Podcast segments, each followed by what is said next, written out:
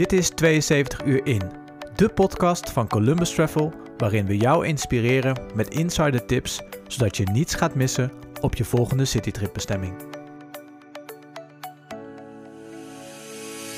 Met in deze podcastaflevering Columbus Travel hoofdredacteur Mark McIntosh in gesprek met Zwitserland-expert Leonie Masselink over 72 uur in Basel. Mijn naam is Mark McIntosh en ik ben de hoofdredacteur van Columbus Travel. En ik neem jullie 72 uur lang mee op sleeptouw in deze verrassende Zwitserse stad. Dat doe ik niet alleen. Met mij op pad gaat Leonie Masselink van Zwitserland Toerisme. Hallo Mark. Hey, welkom Leonie. Jij hebt een, uh, je hebt een uh, bijzondere band met uh, Basel. Dat klopt. Ja, ik, Basel is de stad waardoor ik verliefd ben geworden op Zwitserland. Ik was daar als, als klein meisje op tournee met mijn koor, waar ik in zing. En daar was daar een Europees jeugdkoorfestival, waarmee wij, waarbij wij uitgenodigd waren.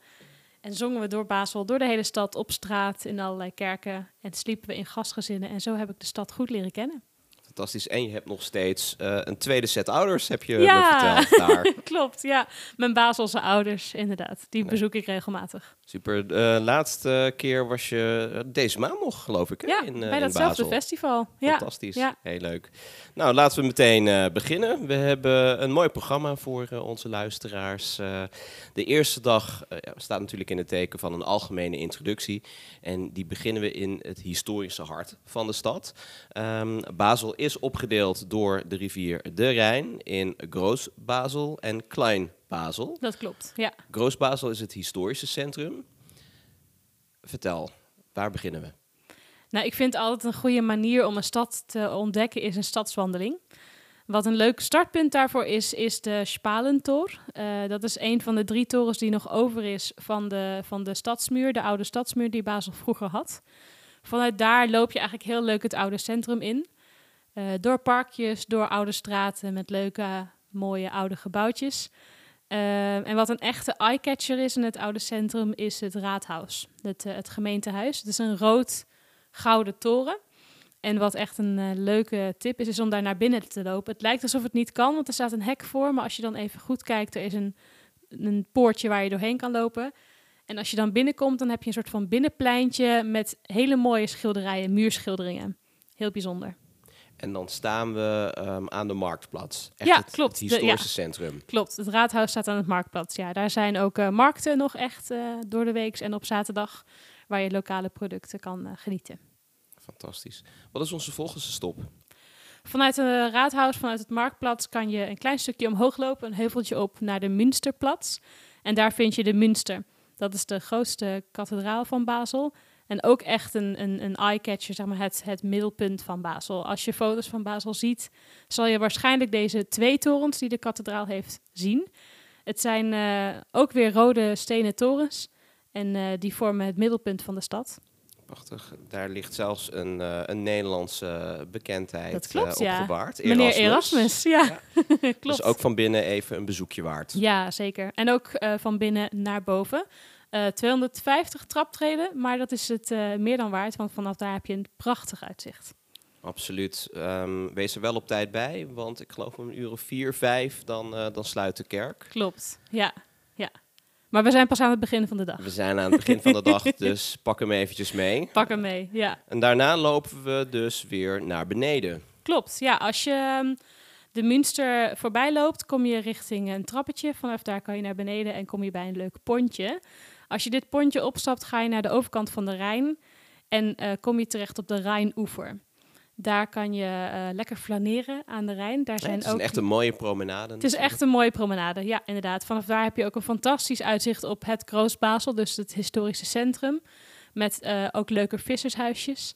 En um, daar heb je ook leuke terrasjes waar je lekker kan zitten, waar je lekker wat kan drinken, eten. En uh, lekker chillen aan het water. Ja, aan het water of in het water. Want je kan zelfs de Rijn inspringen dat en klopt. zwemmen, zoals ja. de locals. Ja, precies. dat is echt een favoriete bezigheid van de, van de Baselse locals. Sommige mensen gebruiken zelfs de Rijn om naar hun werk te gaan. Um, het is heerlijk koud water. Uh, nog niet zo vies als hier in Nederland, maar nog heerlijk groen, blauw en helder. Um, Het is, ja, het is een hele fijne manier om even lekker te ontspannen en even lekker, eh, even lekker af te koelen als je, als je op stedentrip bent. Maar hoe veilig is het, hoor ik mensen al vragen. Ja, je kan, je kan natuurlijk met de flow meegaan. De echte locals zijn dat gewend. Eh, die pakken al hun kleren in een droogtas en, en gaan met de flow mee eh, van, van hoog naar laag. Maar als je dat niet gewend bent, zou ik je wel aanraden om echt in de, in de oevers, in de, in de, aan de zijkant te blijven, zeg maar. Er zijn bepaalde plekjes waar je veilig kan zwemmen. Onder andere is dat Le Bleu.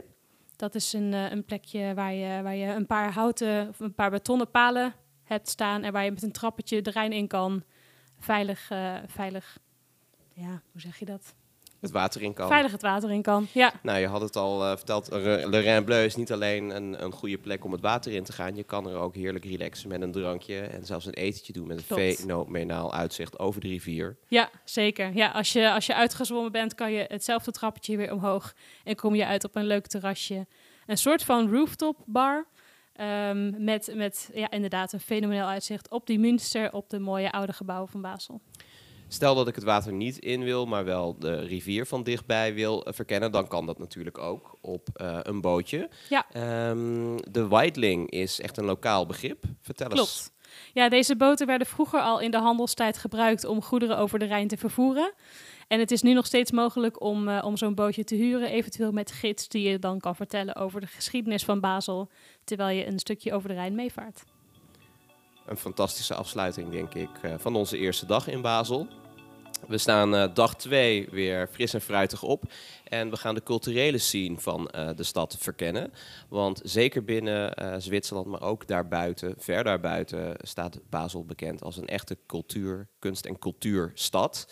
Uh, dat heeft alles te maken met een aantal grote gerenommeerde musea, maar natuurlijk ook met Art Basel, een van de grootste hedendaagse kunstbeurzen ter mm -hmm. wereld. Mm -hmm. uh, laten we daar even mee uh, beginnen, want we hebben nu net de laatste editie gemist. Art Basel vindt steeds in, in, juni plaats. Ja.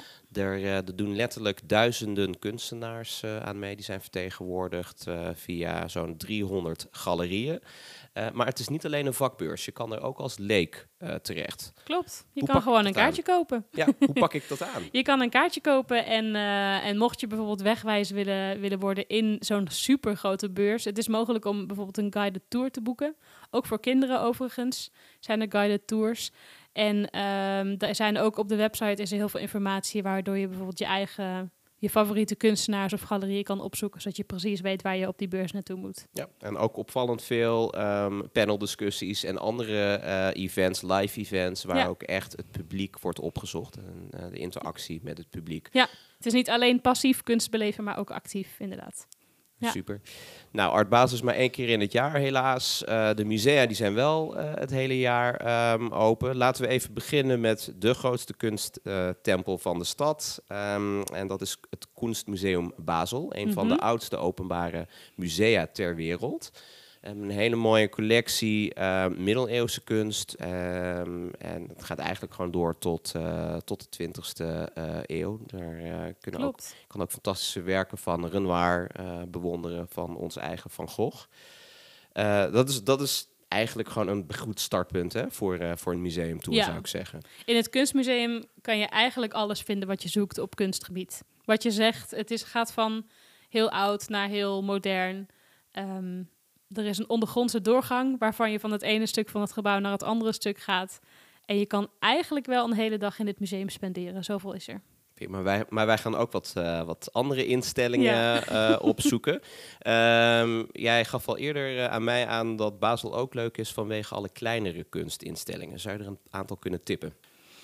Nou, je, wat, wat een hele leuke is, je hebt bijvoorbeeld Museum der Culturen. En dat is een echt een soort van antropologisch museum. Um, als je een beetje geïnteresseerd bent in antropologie, daar hebben ze een hele collectie van uh, foto's en objecten uit allerlei verschillende culturen. Dus het is mogelijk om in een hele kleine tijd heel veel verschillende culturen te leren kennen. Ja, en um, als echte uh, hedendaagse kunstfan uh, mag je absoluut ook niet het Fondation Bijler missen. Ja. Ligt net even buiten de stad. Klopt, een Zwitsers echtpaar heeft hun kunstcollectie die ze hebben tentoongesteld, op openbaar gemaakt. Ja, ook een fantastisch gebouw, moet ik daarbij zeggen, van uh, de Italiaanse stararchitect Renzo Piano. Dus ga mm -hmm. dat vooral zien. Ehm, een andere leuke, eh, wat eh, meer directe eh, eh, plek om kunst eh, te bewonderen terwijl het gemaakt wordt, eigenlijk zou ik moeten zeggen, is het werkraam Waatek. Mhm. Eh, het ligt niet ver van, eh, van de Rijn en ehm, is gehuisvest in een voormalige bierbrouwerij. Er zijn allerlei eh, eh, ateliers eh, te vinden waar je een kijkje kunt nemen bij vaklui, maar ook hedendaagse kunstenaars. Er zijn dansstudio's, je kunt een filmpje pikken en ook even lekker eten. Klopt, ja. Ja, ze hebben toch nog iets van de bierbrouwerij overgelaten. En er is een bite sleep, dat is het Zwitserse woord voor een kroegje. Daar kan je lekker inderdaad wat eten en wat drinken. Met een fenomenaal uitzicht. Op Ja. een of andere manier hebben ze een hele coole nieuwe trap aan het oude gebouw gemaakt, waardoor het echt super cool uitziet. Ja, het is eh, een van de meest opvallende eh, gebouwen, Ja. vind ik, van de stad. Ja, zeker. Hey, eh, we sluiten onze tweede dag kunst- en cultuurdag eh, in stijl af. Want ehm, in de zomer eh, is het mogelijk om een filmpje te pikken in de open lucht. Ja, een openluchtbioscoop. Heerlijk om in, op, zo'n warme zomeravond lekker gezellig met vrienden of familie naar een film te kijken. In, op de Münsterplatz in, in Basel-bij, dus die grote Münster, wordt in augustus een, een filmfestival georganiseerd. Waarbij een heel groot scherm wordt geïnstalleerd. En waarbij ook allerlei barretjes en, en, en winkeltjes zijn waar je lekker wat te drinken kan halen of wat te snacken. Google even ehm Allianz film in Basel. Inderdaad. Dan zul je het programma kunnen bekijken. Ja. Nou, een fijne afsluiting van onze tweede dag. Afgepeigerd eh, gaan we naar ons eh, hotel Hebben we nog honger gekregen, Mark? Of eh, hoeft dat niet meer? Nou, ehm, als je nog leuke tips hebt, zeker. Nou ja, mocht je nog wat willen eten, als je nog honger hebt na of voor de film. Wat ik zelf een heel leuk restaurantje vind, vlakbij die Münsterplatz, is Engel of Aap. In het Duits Engel of Af. Ehm, dat is een heel ehm, gezellig klein restaurantje op een binnenplaatsje bij een fonteintje, waar ze biologische producten ehm, serveren en biologische gerechten die ze allemaal zelf maken. Fantastisch. Nou, we gaan naar dag drie. Mhm. En die staat in het teken van eh, de natuur. Uiteraard in eh, de directe omgeving van Basel. Want we zijn in Zwitserland, dus de natuur ligt altijd om eh, de hoek. Ook zeker in het geval van Basel. Want ik kan gewoon op een e-bike stappen en de natuur de bergen in. Dat klopt. Rijden. Ja, ja. Wat zou je willen tippen? Eh, nou, ten eerste, als je een fiets wil bemachtigen, ehm, als je in een hotel overnacht in Basel, krijg je een Baselcard waarmee je het OV eh, mag gebruiken gratis, maar waar- waarmee je ook op het station een fiets kan eh, huren voor een mooie prijs. Met deze e-bike kan, je dan, kan je dan de omgeving in. Mocht je een beetje in de culturele slash historische vibe willen blijven, dan is August Raurica een, een mooie tip. Dat is een Romeinse nederzetting in de buurt van Basel. Ongeveer 20 minuutjes fietsen. Of busje 81 nemen als je toch niet die fiets hebt gehuurd. Ehm, dat is een, een Romeinse nederzetting met echt nog een amfitheater en, en historische tempels. Een klein museumpje erbij, heel leuk. Eh, mocht je op zoek zijn naar iets heel anders, wat ik zelf heel leuk vind om te doen, is lekker fietsen van boerderijtje naar boerderijtje. En van hoofdladen naar hoofdladen. Eh, de boeren en boerinnen van Basel en omgeving hebben eigenlijk allemaal hun eigen winkeltje bij hun boerderij. En de producten die ze dus vanaf de boerderij produceren, verkopen ze daar. Fantastisch. Dan Heel heb ik ook meteen eh, de cadeautjes voor thuis Precies. binnengehaald. Ehm, we hebben 72 uur in Basel erop zitten. Ehm, stel dat ik wat langer wil blijven in Zwitserland, dan ehm, kan ik gebruik maken van een aantal voordelig geprijsde passen. Kun je daar wat meer over vertellen? Ja, mocht je zin hebben om de rest van Zwitserland nog te ontdekken, dan hebben we de Swiss Travel Pass. Dat is een pas waarmee je onbeperkt Zwitserland eh, kunt reizen met boot, bus, tram, trein, alles wat er, kabelbaan, alles wat er maar eh, qua OV is in Zwitserland. En die pas kan je voor verschillende dagen kopen met flexibiliteit of allemaal aan elkaar. Eh, en mocht je daar meer informatie over willen, dan zou je even kunnen kijken op de website van swisstravelpass.com. Hartstikke goed. Ik denk dat het ook nog even het vermelden waard is dat het ook heel erg makkelijk en redelijk snel eh, te doen is om vanuit Nederland met de trein in Basel te komen. Ja. Hele goede aansluitingen. Vanuit Utrecht zit je er al in zes uur. Klopt, ja. En wat ik nog ben vergeten te zeggen over die Swiss Travel Pass. Uh, mocht je die investering waard vinden, je kan daar ook meer dan 500 musea gratis mee bezoeken. Dus zeg maar, we hebben hier in Nederland een museumkaart. Die Swiss Travel Pass is dan je Zwitserse museumkaart. Mooi. Nou, voldoende inspiratie voor 72 uur in Basel. Ik wil je mhm. hartelijk danken, Leonie, voor je tips. Graag gedaan. We hopen dat we je hebben kunnen inspireren uh, voor je volgende stedentrip. Op naar Basel. Op naar Basel. Dit is een podcast van Columbus Travel.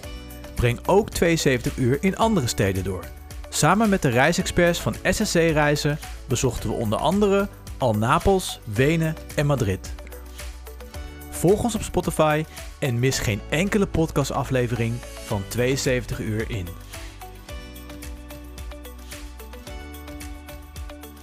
De muziek gebruikt in deze podcast is van Scott Holmes.